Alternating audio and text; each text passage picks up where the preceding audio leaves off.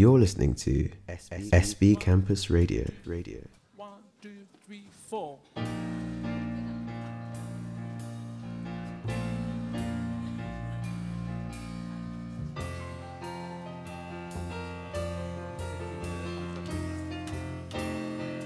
זה היה בשנת תמס"ש, שום דבר עוד לא היה פה. בן גוריון הגיע אז בספינה קטנה ליפו. הוא היה פועל צעיר, אך הרגיש כמו ותיק כבר. את צרורו לקח על גב והלך לפתח תקווה. בקדחת אוכלה ואכל בצל וזית. כי ידע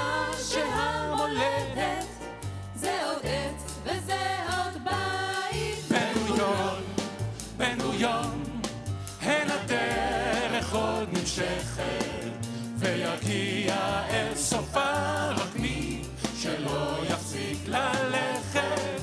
בן גוריון, בן גוריון, הן הדרך עוד נמשכת, ויגיע אל סופה רק מי שלא יתחיל ללכת. הוא הלך לסג'רה ולמושבה כנרת. בידו אחז רובה וקרא לצאת למרד. האנגלים לחם בעוז ותמיד קרא בוטח.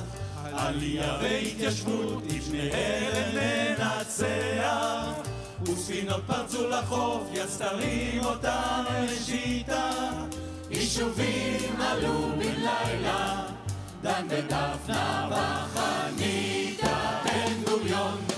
בן גוריון, אל הדרך עוד נמשכת, ויגיע אל סופה רק מי שלא יפסיק ללכת. בן גוריון, בן גוריון, אל הדרך עוד נמשכת, ויגיע אל סופה רק מי שלא יפסיק ללכת. הוא היה אדם קשה, איש הלהט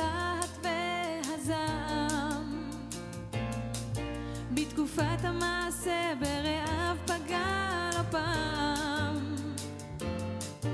הוא היה אדם חרוץ ולוחם חסר מנוח. לא ידע כיצד למחול, לא ידע כיצד לסלוח. ורבים אותי רחב הצדה מפרכת. אך תמיד בשביל הצר לא איבד את קו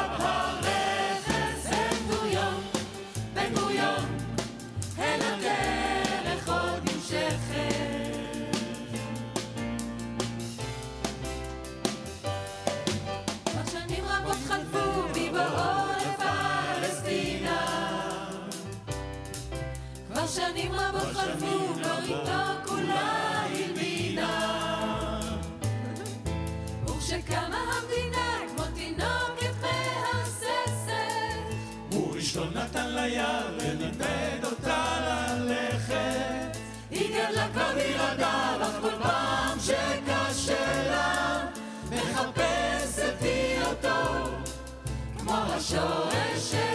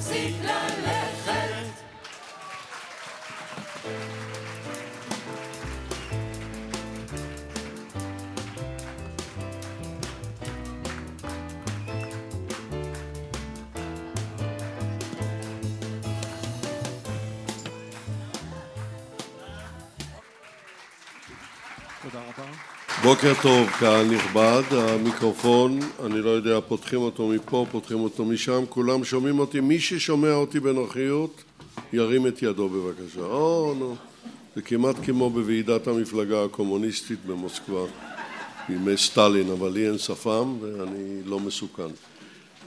אנחנו נתחיל בבן גוריון, השיטה שקבענו היא אה, מין פינג פונג כזה, אני קצת אדבר, קצת נשמע מוזיקה, קצת נחזור, נשחק אותה כמו שאומרים החבר'ה.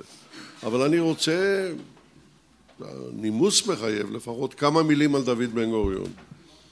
ואני בן גוריוניסט ללא תקנה, אני מכיר את uh, כל מה שהוא כתב, אני קראתי את יומני המלחמה שלו, קראתי את היומנים הרגילים שלו, קראתי את המאמרים שלו בדבר, היה פעם ראש ממשלה שכתב מאמרים בעיתון, הייתם מאמינים? לחשוב על זה היום זה אפשר להתפלץ. ואין לי ספק שאלמלא בן גוריון לא הייתה היום מדינה יהודית, לא הייתה.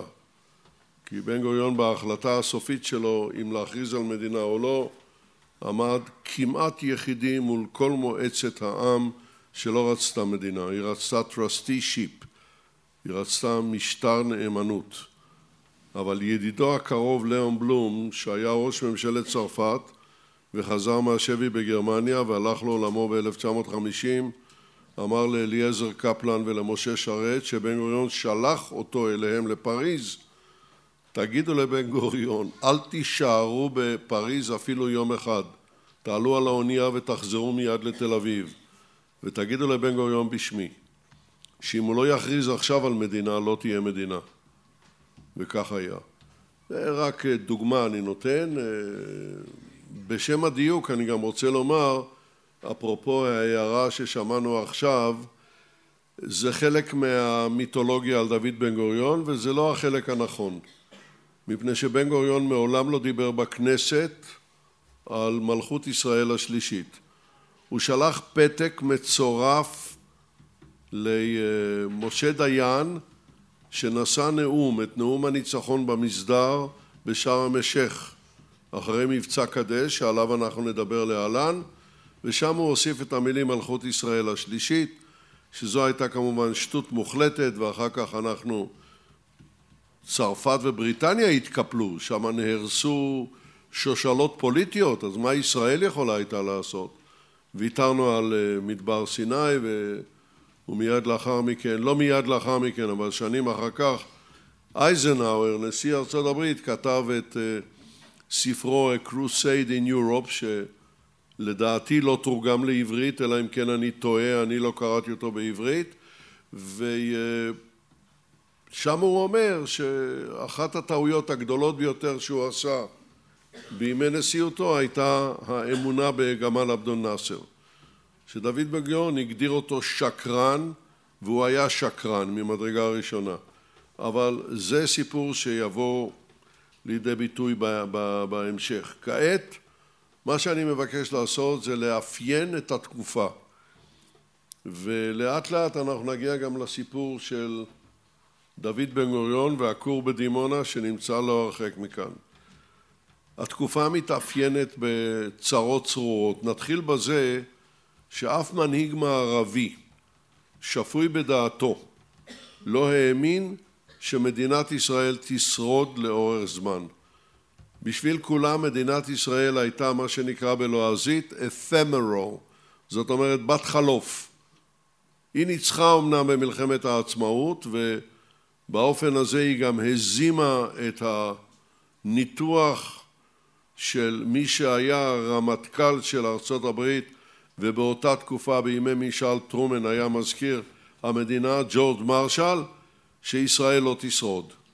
הוא טעה כמובן כי הצבא הישראלי ובייחוד צבא הקבע שלו הפלמ"ח ניצלו את ההבדל בין קווים פנימיים וחיצוניים ואנחנו כן שרדנו ואפילו הגדלנו את רוחב המדינה לפי החלטות העצרת מה-29 בנובמבר 1947 היינו אמורים להיות מדינה של בערך חמישה עשר אלף קילומטר מרובע אבל בסיום המלחמה אנחנו כבר עמדנו על עשרים אלף חמש מאות ארבעים וארבעה קילומטר זה היה שטחה של ישראל, וכאן ישנה לארצות הברית ולבריטניה בעיה עצומה.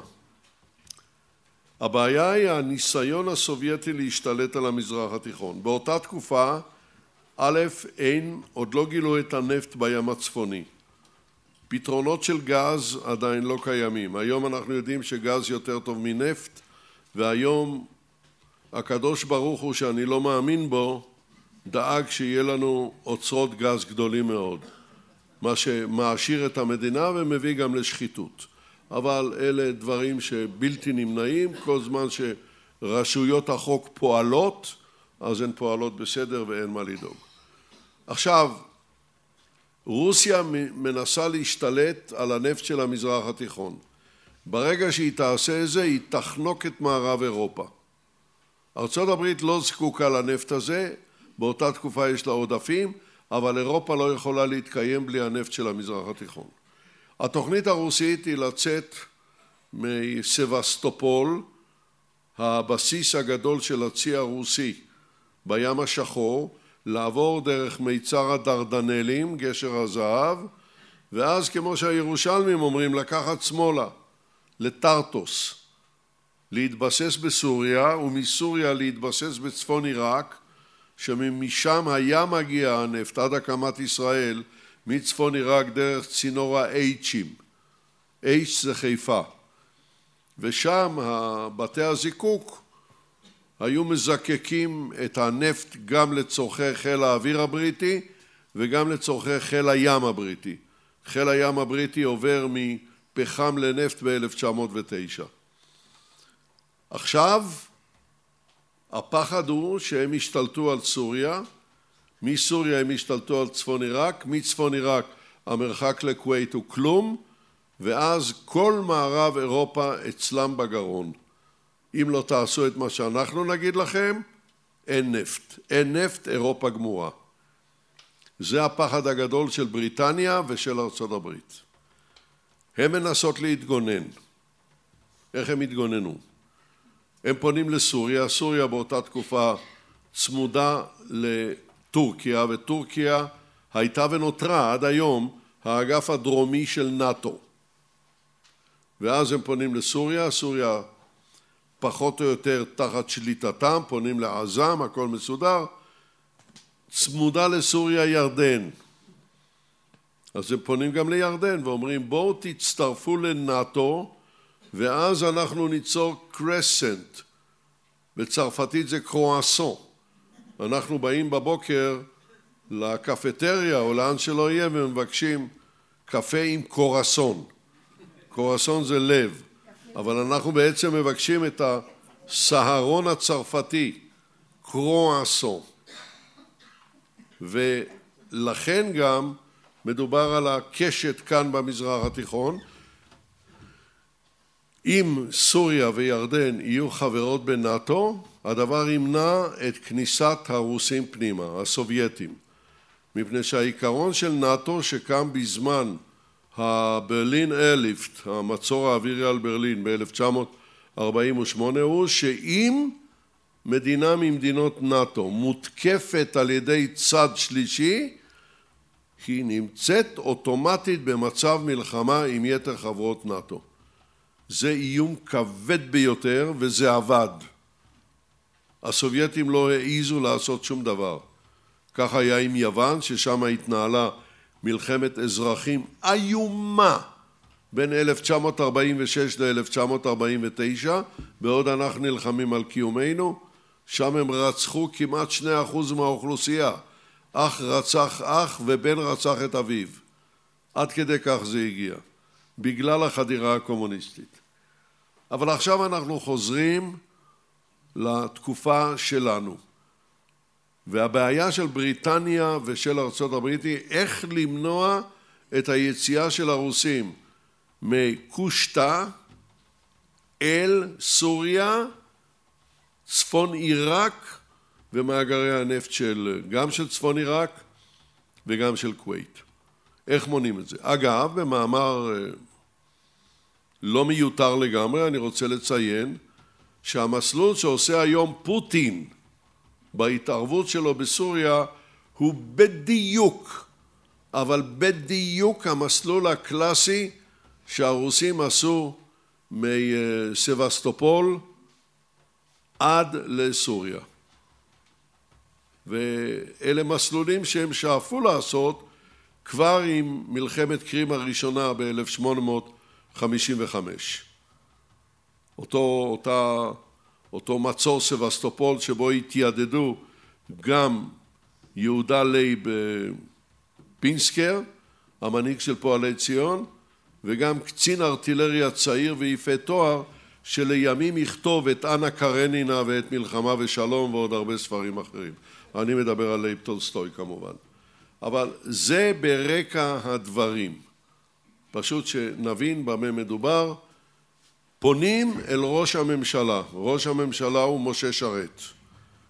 ב-7 בדצמבר 1953 דוד בן גוריון פורש, הוא יורד לשדה בוקר. הוא מודיע לכנסת, אני עייף ממלחמת העצמאות, אני רוצה לגדל כבשים ולקרוא בתנ"ך. מה יכול להיות יותר מכובד מזה? הבן אדם מקבל צריף בשדה בוקר, בקרבת מקום כאן, והוא רוצה לגדל כבשים כדי לתת אות לנוער אתם זוכרים אותו עומד ואומר בכל מקום ליישב הנגב, ליישב הנגב, ליישב הנגב וקורא בתנ"ך שזה המקור של כולנו. מה יותר מכובד מזה? ויום לפני זה הוא ממנה את משה, את אה, שמעון פרס למנכ"ל משרד הביטחון, האיש אפילו לא בן שלושים, ואת משה דיין לרמטכ"ל.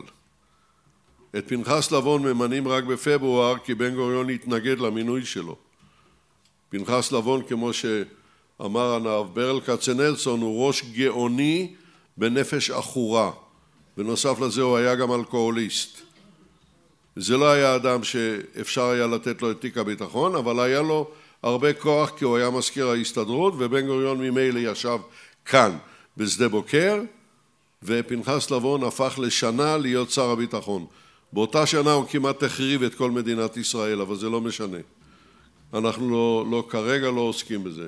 הפרשה, פרשת עסק הביש וכל מה שהתגלגל ממנה, כולל סופו הפוליטי של בן גוריון וכולל סופה הפוליטי, אל תכעסו עליי, של תנועת העבודה, של מפא"י ההיסטורית.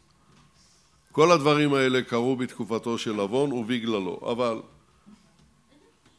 אני רק נותן רקע לתקופה. ובאים שר החוץ, מזכיר המדינה האמריקני, ג'ון פוסטה דאלס, ושר החוץ הבריטי, סילבן לויד, אל משה שרת ואומרים לו, תן את הנגב. מדינת ישראל תיגמר בקריית גת. איך זה קורה?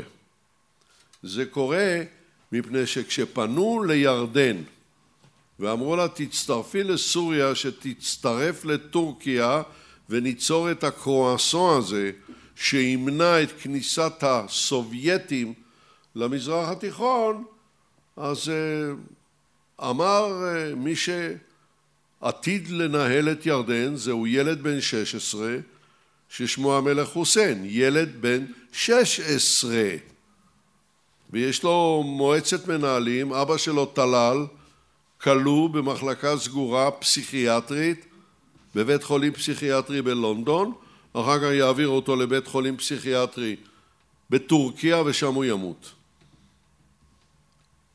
אלה נתוני בסיס. ואומר להם,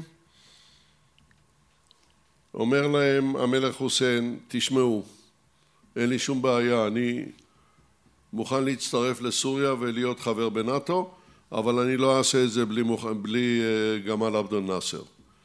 גמל עבדול נאסר, זה לא משנה שהוא פעמיים בשנה מנסה לרצוח את חוסיין, אבל זה מצב יחסים נורמלי בעולם הערבי. אם אתה סוכן ביטוח, אתה לא תוציא פוליסה, תעודת חיים למושל ערבי, כי היום הוא המושל ויושב על כיסא מזהב, ובערב הוא תלוי מעל, אה, אני יודע, מעל אחד עמודי התאורה בשדרה הראשית. אלא זאת המציאות, אין מה לעשות. וגם על אבדו נאסר פונים אליו גם סילבן לויד וגם, אה, וגם ג'ון פוסטה דאלס. הנשיא של ארה"ב אז הוא דווייט אייזנהאואר, וראש הממשלה הבריטי הוא זה מקרוב אנטוני אידן. דווייט אייזנהאואר לימים יכתוב טעיתי ופה ושם, אוהד גדול של ישראל הוא לא היה. ג'ון פוסטה דאלס הוא ממש אנטישמי. אנטוני אידן שונא יהודים, גם כשהוא היה בחיל האוויר יועץ למטרות במלחמת העולם השנייה, הוא לא נתן שמטוס אחד ירד להפציץ את אושוויץ או, מכונה, או מחנות השמדה אחרים. הייתה להם טענה גאונית, כמו שהיום הטענה שניתן לפליטים לחזור למען השלום ולמען ישראל. מה הייתה הטענה? אם אנחנו נזרוק פצצות על אושוויץ, אז אנחנו נהרוג עצירים. אז תהרגו עצירים. מה קרה? הם הורגים שם עשרת אלפים ליממה. אז תהרגו כמה עצירים, אבל תגמרו עם המחנה הזה. ואנטוני אידן לא נתן שזה יהיה. אוהבי ישראל גדולים כולם היו. והם באים למשה שרת ואומרים לו, חביבי, אתה עכשיו נותן את הנגב. משה שרת אומר, בשביל לתת את הנגב, אני מוכן להביא את זה לקבינט. אני מוכן. אבל בואו תקבלו גם אותנו לנאט"ו. עכשיו. מפני שגם דווייט אייזנאו וגם אנטוני אידן וגם שרי החוץ שלהם לא מאמינים שמדינת ישראל תשרוד, הם אומרים אתכם אנחנו לא מקבלים לנאט"ו. לא מקבלים לנאט"ו. כי מה יעשו? נניח מצרים תהיה בנאט"ו וישראל תהיה בנאט"ו ומצרים תתקוף את ישראל ותשמיד אותה. ישראל תצטרך להילחם על קיומה. יתר מדינות נאט"ו צריכות לבוא לעזרתה, אבל גם מצרים היא חברה בנאט"ו. מה הם יעשו? אז לא מקבלים את ישראל. רק להראות לכם איך מתגלגלת ההיסטוריה, לפני uh, שנה וחצי פנו נאט"ו, פנו, גיששו, מיששו את הדופק, ואמרו לישראל, תצטרפי לנאט"ו כדי לשמור על הרוסים בים התיכון, וישראל אמרה לא תודה. אנחנו נלך לשמור על הרוסים בשביל מי? בשביל טורקיה? יש לנו עניין לריב עם הרוסים? אבל איך שגלגל מתהפך לו בעולם. בואו הנחזור לימים ההם כדי לתת, להשלים את הרקע. משה דיין הוא הרמטכ"ל, הוא מבוהל לגמרי. הוא לוקח פייפר כמו שהוא נהג לעשות בתקופת פעולת התגמול, שהן תקופות לא סימפטיות בחיים של דוד בן גוריון. כשדיברנו כאן על מה, מה הוא דברים שהיה צריך להתחרט עליהם, זו התקופה. כי משה שרת הוא ראש הממשלה, אבל כל פעולת תגמול מקבלת את אישור בן גוריון כי משה דיין טס לכאן בפייפר. אני לא יודע איפה הוא נחת, אתם יודעים איפה המנחת, אני לא יודע. אבל זה לא משנה. זה לא משנה. וכותב משה שרת ביומנים שלו, הוא כותב, מה זאת אומרת? אני קם בבוקר לאכול ארוחת בוקר, אני פותח את העיתון, אני רואה שבלילה הייתה פעולת גמול. אבל אני ראש הממשלה, אף אחד לא שאל אותי. כי בן גוריון המשיך לנהל את הממשלה ואת ענייני הביטחון מכאן. זה לא פרק מזהיר בתולדותיו של בן גוריון, כי אפשר היה גם אחרת. אבל בן גוריון לא האמין למשה שרת. שיהיה, אני כרגע עוזב את העניין הזה. פנחס לבון הוא שר הביטחון. משה דיין הוא הטפלון של המדינה. הוא נמצא בארצות הברית בהשתלמות כשהייתה כאן הפעולה שנקראה עסק הביש או פרשת לבון או מה שלא תרצו לקרוא לזה. וכשמשה שרת הטיל על ועדת השניים על יצחק אולשן ועל יעקב דורי לבדוק מה קורה, המסקנה של הוועדה הייתה אנחנו לא יודעים מי נתן את ההוראה. בנימין גיבלי שהיה אלוף משנה ואחראי על המודיעין או פנחס לבון שר הביטחון. פנחס לבון אומר לא נתתי את ההוראה איך הוא יכול היה לזכור אם הוא נתן או לא נתן שום דבר לא, לא היה מסודר לא היה פרוטוקול בין כל בקבוקי הקוניאק הוא ידע, אבל אני מניח שהוא ידע. ואומר בנימין גיבלי, הוא כן נתן את ההוראה. וועדת אולשן-דורי כותבת למשה שרת, אנחנו לא יודעים, לא יכולים להחליט מי שקרן יותר גדול, בנימין גיבלי או פנחס לבון. עזוב, אני לא, לא, לא נכנס את זה, רק זה חסר לנו עכשיו, להיכנס את זה. אנחנו נתחיל להרוג כאן אחד את השני, אני לא רוצה. אבל פנחס לבון נעלב, עוזב את משרד הביטחון אחרי שנה בדיוק, פברואר 54, פברואר 55. מסתלק וחוזר לנהל את ההסתדרות. דוד בן גוריון ממלא את מקומו. ברגע שמשה שרת, לא משה שרת אלא משה דיין, מגיע הנה עם הפייפר ואומר לו מה קורה, נעשה לו רע. הוא מוותר על הכבשים, מוותר על התנ"ך, מוותר על הכל וחוזר למשרד הביטחון. הוא עדיין לא ראש ממשלה, הוא שר הביטחון. ואחת התשובות הראשונות שלו לאנטוני אידן היא אתה תקבל קדחת, לא תקבל אפילו מטר מרובע. אין דבר כזה, אנחנו לא מוותרים על כלום. מה גמל אבו נאצר רוצה? גמל אבו נאצר כועס כי קודם כל חיל המשלוח של פרוק הפסיד, הוא עצמו קיבל כדור בתחת כשהוא היה בכיס פלוג'ה. בזיכרונות הוא מספר לביוגרף שלו שהוא קיבל כדור בבטן כי נשיא מצרי לא יכול לקבל כדור באחוריים אבל עזבו זה, זה כסף קטן זה ממש כסף קטן זה לא משנה ואתם יצאתם חיל המשלוח המצרי של פרוק בסופו של דבר הפסדתם כלאנו אתכם בכיס פלוג'ה יצאתם עם הנשק שלכם בהסכמה עכשיו אתם רוצים להגדיל את שטח מצרים? הטענה היא שאם אתה פטריוט ערבי ותדמיינו רגע את מדינת ישראל, מדינת ישראל נראית בדיוק כמו דגר, כמו פגיון. הידית זה רצועת החוף. הלהב הוא האזור שלנו והשפיץ הוא אילת. והיא תקועה בלב העולם הערבי, אם אתה פטריוט ערבי. תבינו.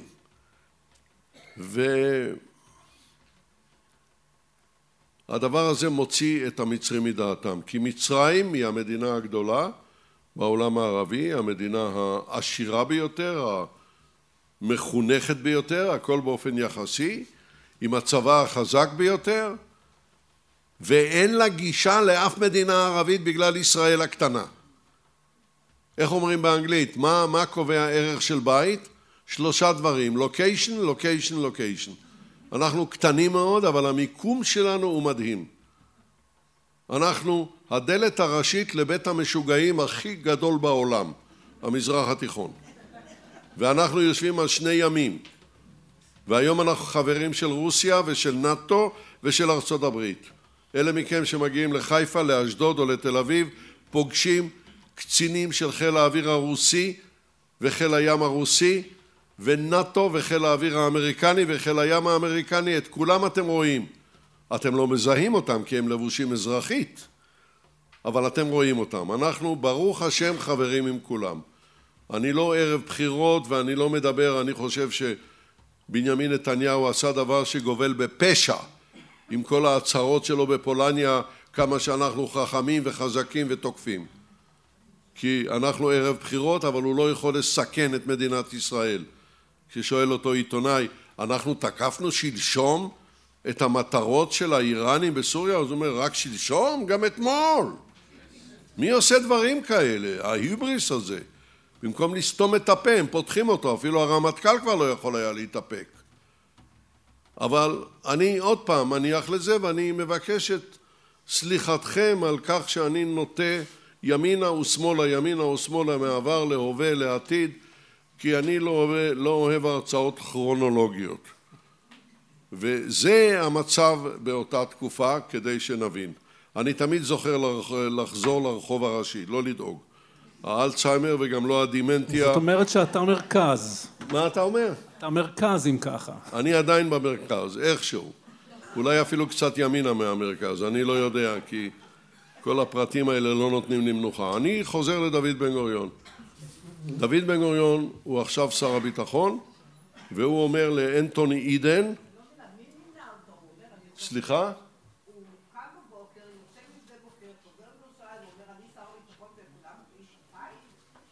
אז עוד פעם, אני חוזר על מה שאמרתי.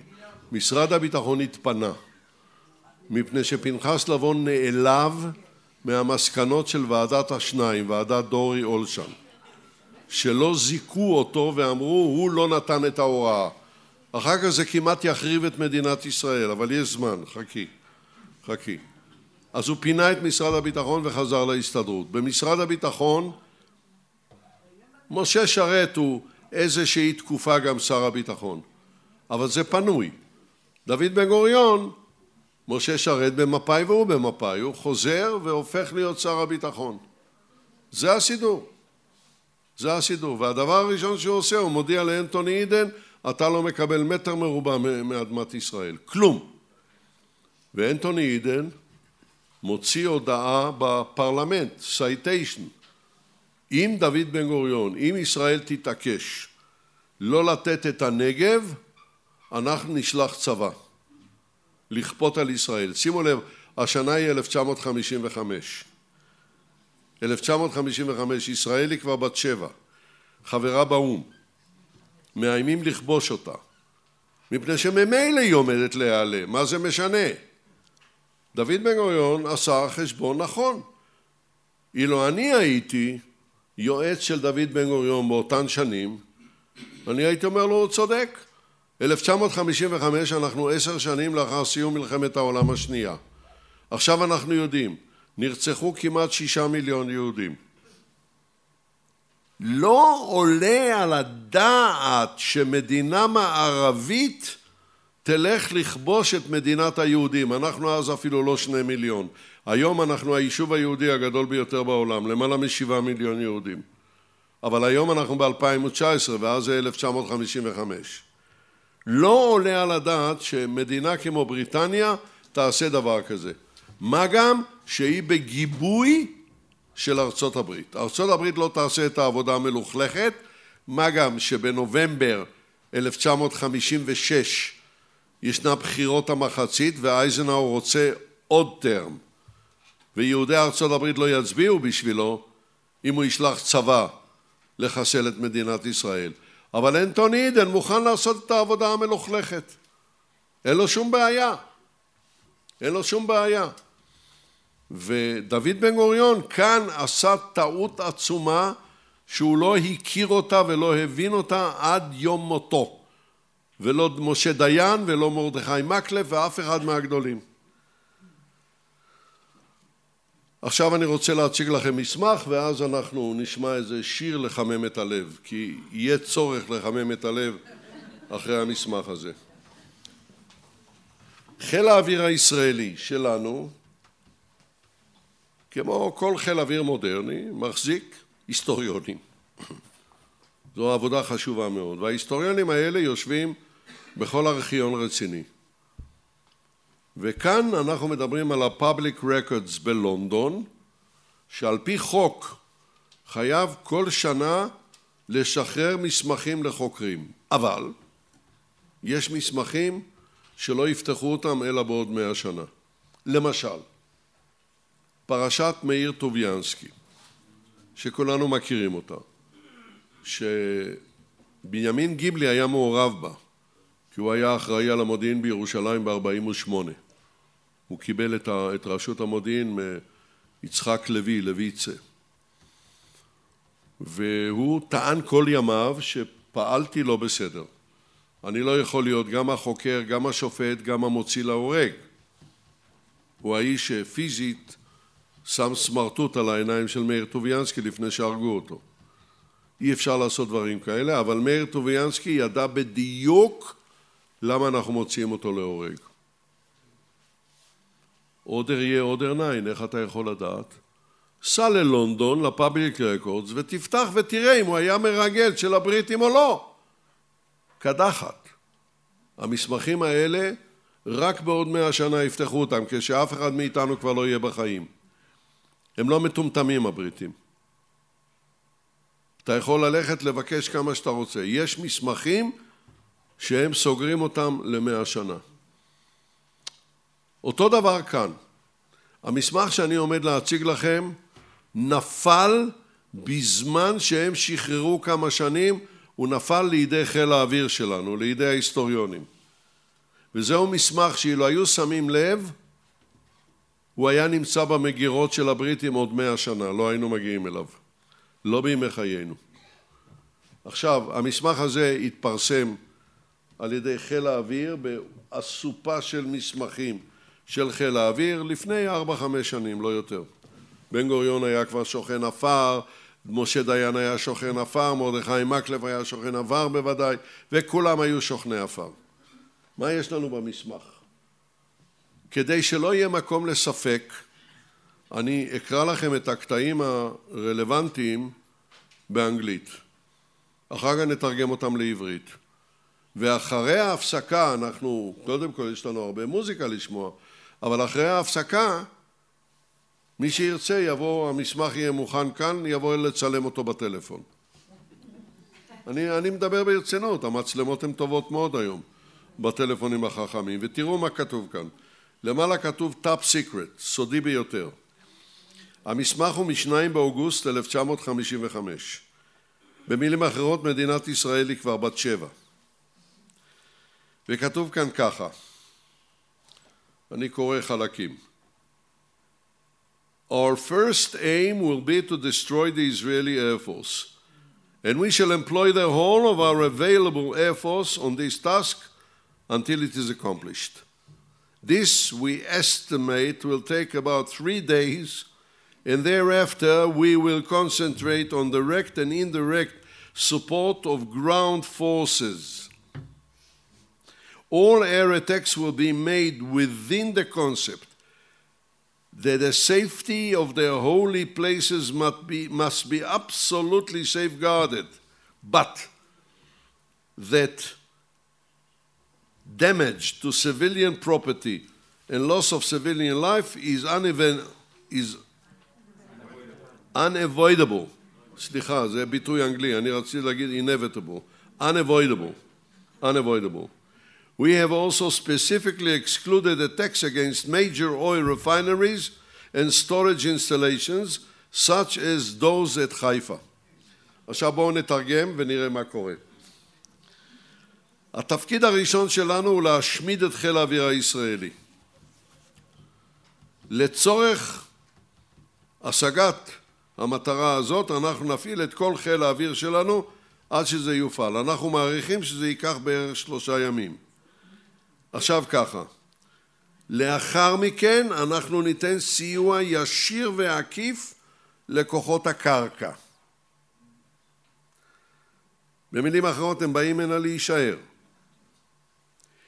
כל ההתקפות יעשו מתוך הקונספציה שהביטחון של המקומות הקדושים חייב להישמר אבסולוטלי, בלי פשרות בכלל.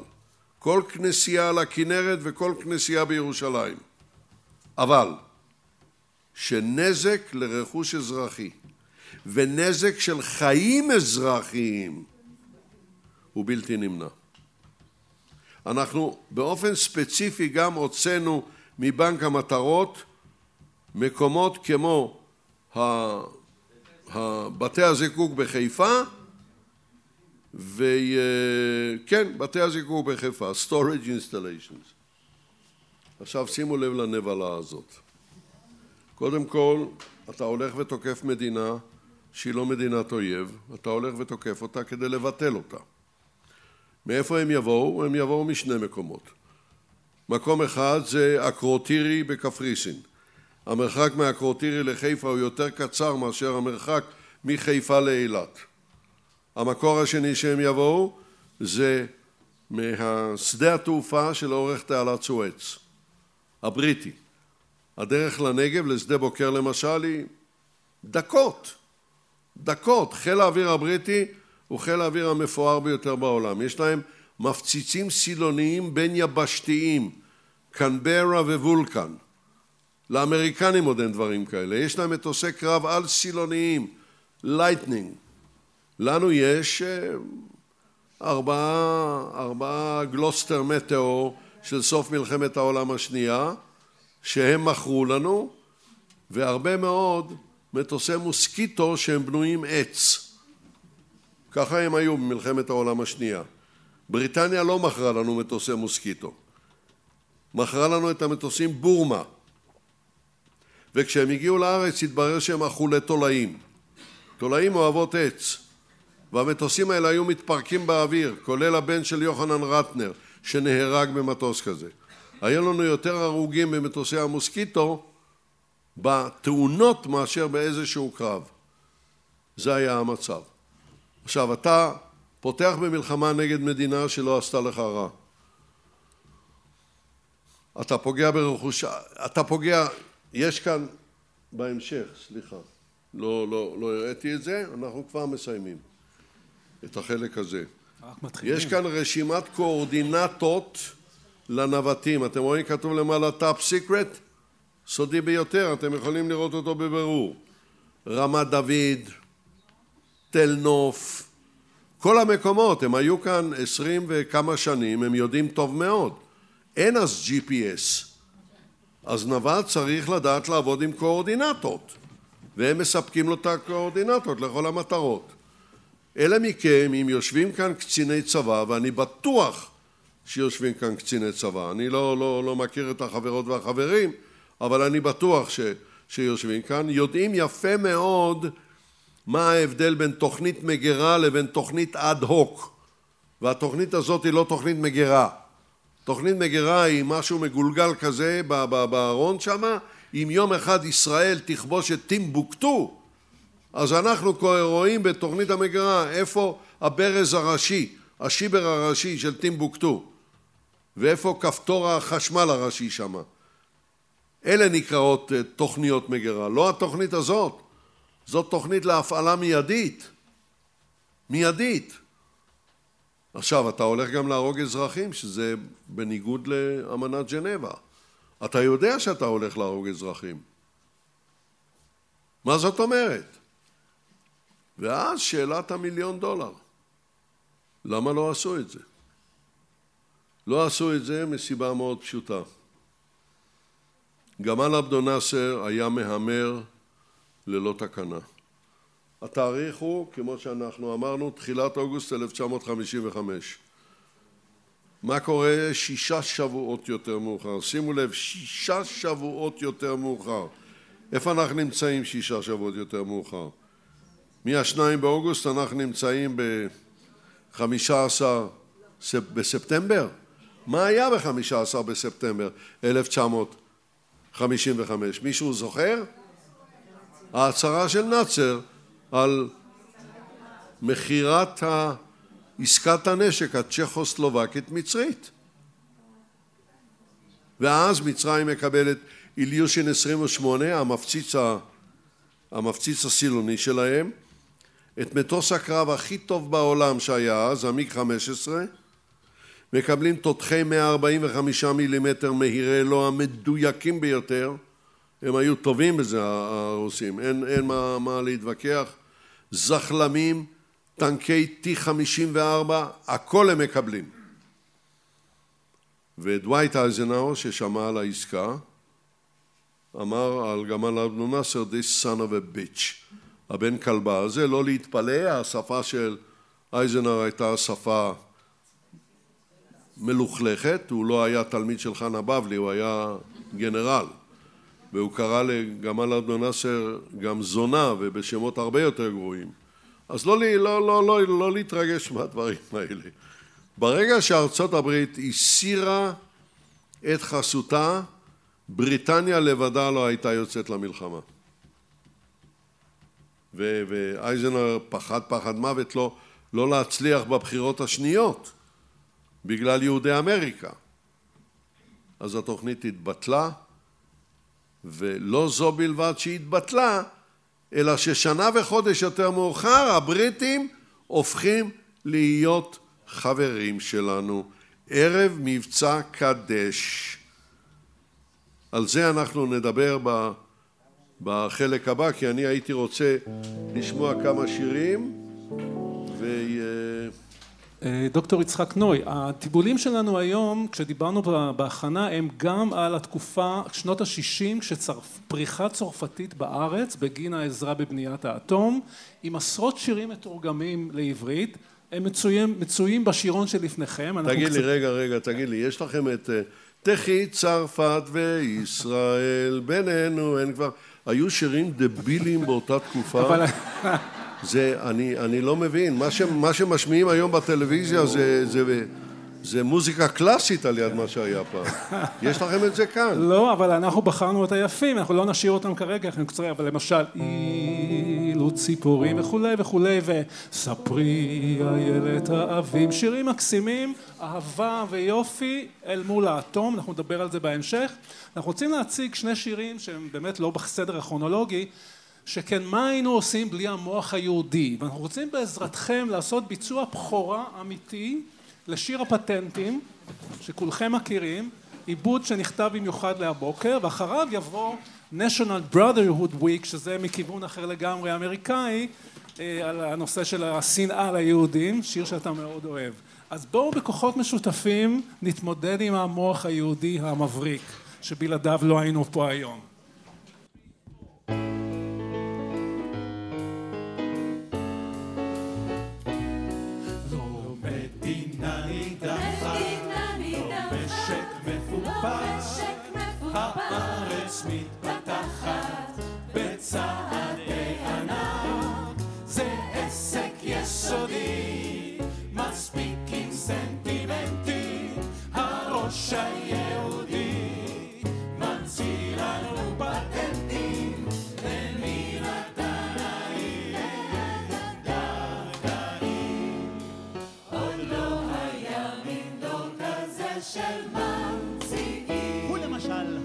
יוצאת מן הכלל כמו one, two, three. השמן, השמן, השמן המסוכר הוא על ידי מעבדה נבדק ויש בו A, B, C ו-D.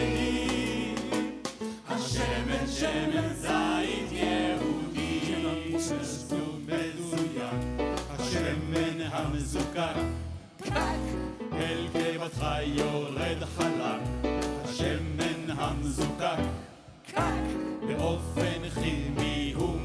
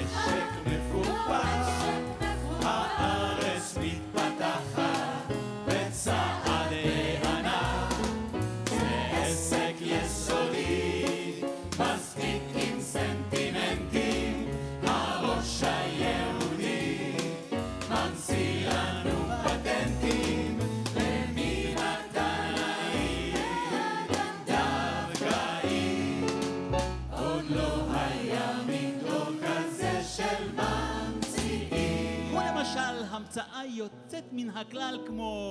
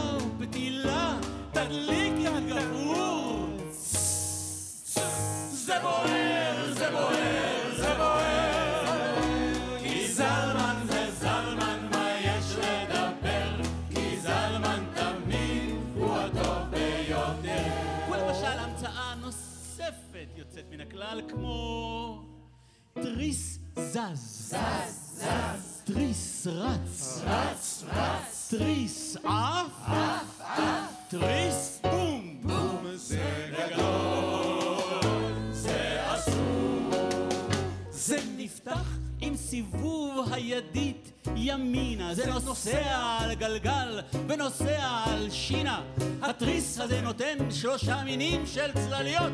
התריס הזה שובר קרניים אולטרה סגוליות. תפסיק לשבור לי את הקרניים. יפה. תריס כזה קנית, באושר זכית.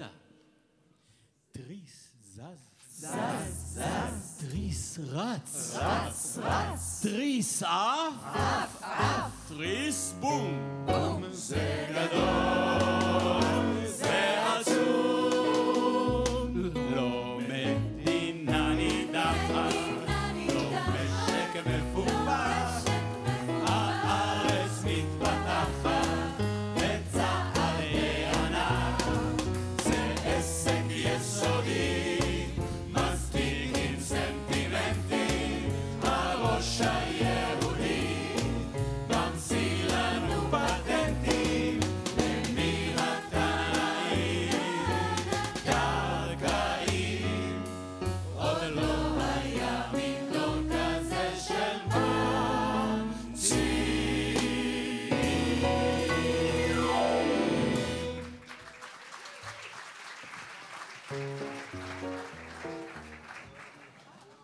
רוצה כמה מילות הבהרה. תום לרר, אה, הוא כבר לא איתנו היום, זה כבר הרבה מאוד שנים, היה פיזיקאי יהודי שפעל בארצות הברית.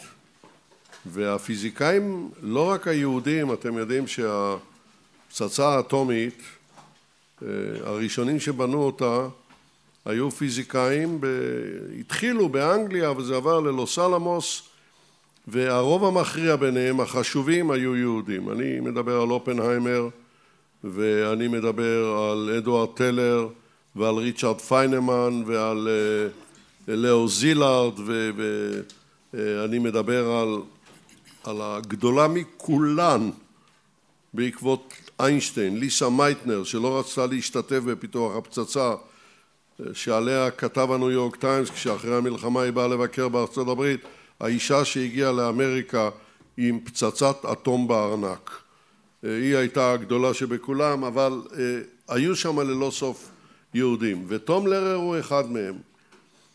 והיה כתב עת נפלא שנקרא The Bulletin of the Atomic Scientists, שבו הם הביעו את דעותיהם נגד הפצצה האטומית, כי הם התחננו לפני הגנרלים האמריקנים, אל תזרקו את הפצצה על היפנים. תזמינו גנרלים יפנים ותזרקו אותם ממפרץ טוקיו כדי שהם יראו מה היא עושה. וטרומן לא הסכים וגם הגנרלים האמריקנים לא הסכימו בצדק גמור והם חסכו 800-900 אלף חיילים אמריקנים כי יפן נכנעה. תום לרר היה אדם מבריק, המקצוע שלו כאמור היה מדען גרעין אבל הוא גם ידע לפרוט על גיטרה וידע לכתוב שירים כדי לשמח בכל מיני מסיבות את חבריו הפיזיקאים. אז הוא היה משמיע שירים שהוא כתב, ואחד השירים, אני לא, לא מוזיקאי, שירים מצחיקים אירוניים ממדרגה ראשונה, הוא כותב על החיים באמריקה, אז בין היתר הוא כותב, הסינים שונאים את היפנים, היפנים שונאים את הסקוטים, הסקוטים שונאים את זה, וזה שונא את זה, וזה שונא את זה, והמשפט החוזר, and everybody hates the Jews.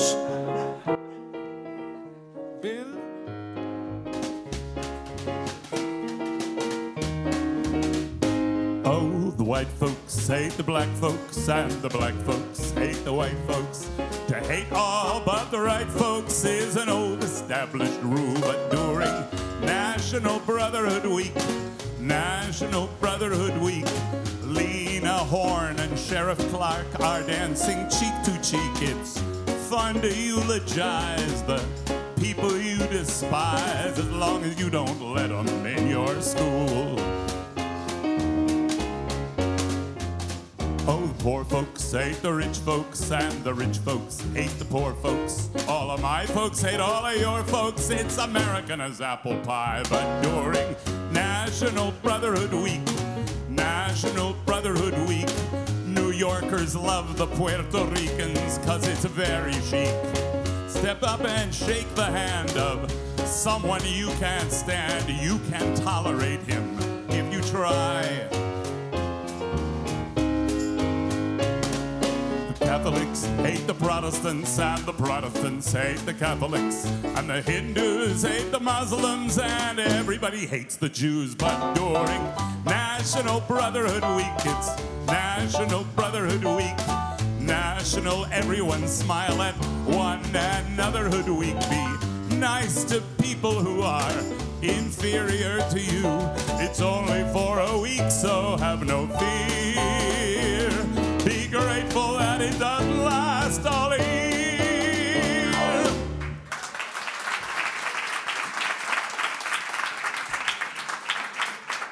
טוב, אה, חברים וחברות, יש לנו עוד זמן כי הלוא התחלנו באיחור של אה, 10-12 דקות ואני את הכל שומר ואנחנו חייבים להמשיך ונמשיך. עכשיו אנחנו עומדים במצב שהבריטים לא מתקיפים את ישראל וכמובן הם לא מתקיפים בגלל גמל עבדו נאסר שאילו היה לו קצת יותר סבלנות הוא היה מקבל את ישראל על מגע של כסף. יש כאן סיפור, אנחנו את כל הסיפור הזה מכירים היום מספר שכתב העוזר של אנטוני אידן. שמו היה איבלין צ'קברג.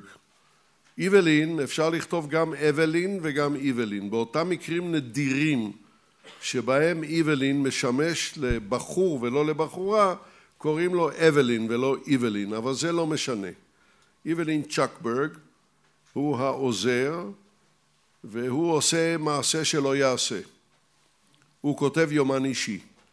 כשאתה מתקבל ל-MI6, היום כמובן זה נקרא אחרת, אבל בעיתונים בישראל ובאירופה עדיין משתמשים בשם MI6, שזה מקביל למוסד לביטחון המדינה אצלנו, וה-MI5, ששוב, יש להם כבר שמות אחרים, מקביל לשב"כ אצלנו. פחות או יותר, פחות או יותר. כשאתה מתקבל לעבודה באחד משירותי המודיעין או במשרד החוץ הבריטי, מביאים אותך לנוטריון ואתה חותם על התחייבות לא לכתוב יומן אישי. אם יש כאן פסיכיאטרים או פסיכולוגים, אז הם יודעים שיש שיטת ריפוי שבה המטופל מקבל הצעה מהפסיכולוג או הפסיכולוגית או הפסיכיאטר, תתחיל לכתוב, תתחילי לכתוב יומן אישי. היומן הזה לא נועד לפרסום, הוא רק שלך. שיהיה לך יומן על יד המיטה עם עת כתיבה ואתה מתעורר למשל מחלום בלהות. החלום הזה אחרי חמש דקות נשכח מפני שהוא נמצא במוח במאגר של הזיכרון לטווחים קצרים. אבל הוא מספיק ממרר לך את החיים כדי שיהיה לך מצב רוח רע כל היום. ברגע שאתה קם תכתוב את החלום מיד, אבל מיד. אל תצחצח אפילו שיניים כי אחר כך הוא יברח. וככה תוכל להחזיר אותו ולנסות לנתח אותו. ובכלל תכתוב יומן. כתיבת יומן זה דבר ממכר. אנחנו מכירים שני יומני, שני כותבי יומנים אישיים גדולים מאוד בתולדותינו, אחד זה דוד בן גוריון והיומנים שלו פתוחים לקהל, ואחד זה משה שרת. קובי שרת הבן שלו הוציא שמונה כרכים, שמונה כרכים של יומני שרת והוא השאיר שם את הכל. וזה אוצר בלום, מה שאתם קוראים שם אפשר פשוט, אתה, אתה לא מאמין למראה עיניך עד שאתה קורא את היומנים. והבעיה היא שאם אתה כותב יומן כשאתה בתפקיד מאוד בכיר וליומן אתה מספר הכל והאויב המודיעין מצליח לשים יד על היומן שלך זו בעיה איומה ונוראה. מוטב שזה לא יקרה. אז לכן אתה חותם על התחייבות. איבלין צ'קברג לא קיים את ההתחייבות הזאת וכתב יומן אישי. ואחר כך הוא הלך ופרסם אותו. Descending on Sweats, כך הוא קרא ליומן הזה, מעולם לא תורגם לעברית כמובן. בית משרד החוץ הבריטי לקח אותו לבית המשפט, בית המשפט גזר שמשרד החוץ הוא צודק, כי אתה חתמת על התחייבות לא לכתוב יומן, ונתן הוראה לגזור את כל המהדורה לגזרים. אבל אתם יודעים איך הדברים האלה הולכים, כמה ספרים תמיד מתחלקים החוצה. ואחד מהם נמצא אצלי בספרייה. אני קיבלתי אותו דרך החנות המקוונת של אמזון, מפני שלאמזון אין את הספר הזה, אבל הם יודעים למי לפנות, ושילמנו די הרבה כסף, שילמתי, אבל זה הגיע אליי. משומש, מלונדון. וכשאתה קורא מה כתוב שם, איך אומרים ב, ביידיש טובה, סוורדריר שלכט, נעשה לך רע. איזה שנאה לישראל. אני לא מדבר על אנטישמיות, אני מדבר על מדינת ישראל אחרי 1948. ושם הכל כתוב. שם הכל כתוב. בתקופה הראשונה, כשהוא עדיין שר החוץ אנטוני אידן, ראש הממשלה, בקדנציה השנייה היה צ'רצ'יל. וצ'רצ'יל בקדנציה השנייה שלו היה קרוב לוודאי אחד מראשי הממשלה הכי גרועים שהיו בבריטניה. האיש לא היה מסוגל לנהל מדינה בימים נורמליים. זה לא היה בשבילו לשבת עם הוועדים של פועלי הביוב והוועדים של אנשי הדואר והוועדים של הרכבת, זה לא עניין אותו. הוא יכול היה להתעסק רק בימי מלחמה ושם הוא היה בגדולתו. אבל הוא כותב עליו הרבה מאוד. כשבישיבת משרד החוץ מנסים לברר איך להוציא את ירושלים מידי הציונים. ומתערב צ'רצ'יל ואומר, אני לא מבין, הלוא בתנ"ך אנחנו כבר יודעים שירושלים עתה של היהודים, למה אתם עושים את זה? אז הם ממלמלים, ואחרי שהוא הולך הם קוראים לו הסניל הזקן, מאחורי גבו. זה היה מצבו של צ'רצ'יל בקדנציה השנייה, רק שתבינו. ומאיבלין צ'קברג אנחנו מכירים חלק גדול מאוד מהסיפור. אפשר להשלים את זה כמובן עם, ה... עם היומנים של משה שרת ודוד בן גוריון, אבל זה אחד הכלים המרכזיים. ונשאלת השאלה מה בדיוק בריטניה רוצה. איבלינג צ'קברג הוא האיש שיושב או נודד בכל מיני פאבים בלונדון עם הילד הזה בן ה-16 חוסיין כדי לשכנע אותו להיכנס לנאט"ו. הוא האיש שמדבר על המשולשים של אלפא. אגב, אם תרצו תיכנסו לאינטרנט ותעשו המשולשים של אלפא באנגלית. יכול להיות שיש גם חומר בעברית, אני לא מכיר, ותקבלו שפעה גדולה של חומר על התוכנית שאני מדבר עליה, לא על המסמך הזה. ולמה המסמך הזה לא חולל רעידת אדמה? אני לא יודע. אני לא יודע, אני לא עוסק בהיסטוריוגרפיה, אני עוסק בהיסטוריה, כמיטב יכולתי. מכל מקום, זה המצב, ואת הנגב בריטניה לא כבשה. העניין הזה נגמר. אבל לבן גוריון ישנה תוכנית שהתעוררה אצלו עוד כשהוא ביקר במחנות העקורים בגרמניה מיד לאחר סיום מלחמת העולם השנייה. אמרתי מקודם, ובכוונת מכוון אמרתי, שחלק גדול, גדול מאוד מהפיזיקאים שבנו לארצות הברית את פצצת האטום היו יהודים. חלקם, כמו ריצ'רד פיינמן, ישראל לא עניינה אותם. חלקם, כמו ליסה מייטנר, התנצרו. אבל היו רבים מאוד שישראל הייתה המשענת הרגשית הגדולה שלהם. אני מדבר על אדוארד טלר שהוא ממציא פצצת המימן האמריקנית. הוא היה יהודי חם, הייתה ויש לו עד היום משפחה בישראל. אני מדבר על לאו זילארד שהייתה ויש לו משפחה בישראל. ואלה אנשים שלא, שישראל מאוד יקרה לליבם. אני לא יודע, אני מקדים ואומר ומדגיש, אני לא יודע ולא רוצה לדעת מה היה חלקם של המדענים היהודים. אני יכול לספר לכם סיפור. מי שעמד בראש תוכנית, התוכנית המדעית של מבצע מנהטן לפיתוח הפצצה, הפצצה האטומית היה רוברט אופנהיימר. וכשפתחו במכון ויצמן את המכון לחלקיקים, אלה היו מכונות מאוד יקרות והכל היה חדיש לגמרי, אנחנו מדברים על שנות החמישים המוקדמות, הוא הגיע לרחובות. ויש לי צילום בבית גדול שנתנה לי המזכירה של המכון לחלקיקים, של רוברט אופנהיימר, עומד גבוה מעל כולם עם הכובע המפורסם שלו. את הסיגריה הנצחית הוא מחזיק כאן, במקום להחזיק אותה כאן. למה? ככה. ועל ידו עומדת רחל ינאית בן צבי ודוד בן גוריון ופולה ויצחק בן צבי ויעקב דוסטרובסקי. יעקב דוסטרובסקי, פרופסור, לא יעקב דוסטרובסקי, סליחה, ישראל דוסטרובסקי. יעקב דורי הוא הבן דוד שלו. והוא עומד שם. ואחר כך גם התברר לי כל הסיפור שה-FBI בארצות הברית לא הסכים שאופנהיימר יבוא לישראל. אבל אמריקה היא מדינה חופשית, בסוף הם הגיעו למשא ומתן. וההסכם היה שאופנהיימר לא יישן בבית מלון. אז איפה הוא ישן?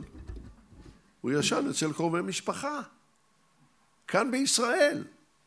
היו לו ויש לו, הוא כבר לא בחיים כמובן, קרובי משפחה בישראל. והוא היה כאן, ואלה האנשים שה-FBI עקב אחריהם שנים, לא הצליח להוכיח שום דבר, אבל ההמשך הוא, אנחנו מיד נראה על איזה המשך אנחנו מדברים. אנחנו נסיים את החלק הראשון, ברשותך. אז זהו, אז בואו נסיים את החלק הראשון. בשיר. מאוד מאוד מאוד מיוחד, עם אנימציה שנעשתה במיוחד על ידי דודו שליקה. בסדר, ואז אני אסביר לכם איך הדברים יתגלגלו הלאה.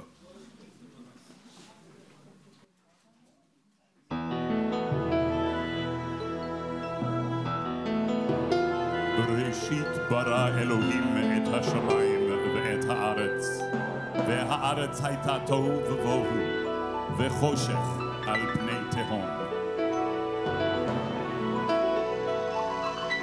Bye.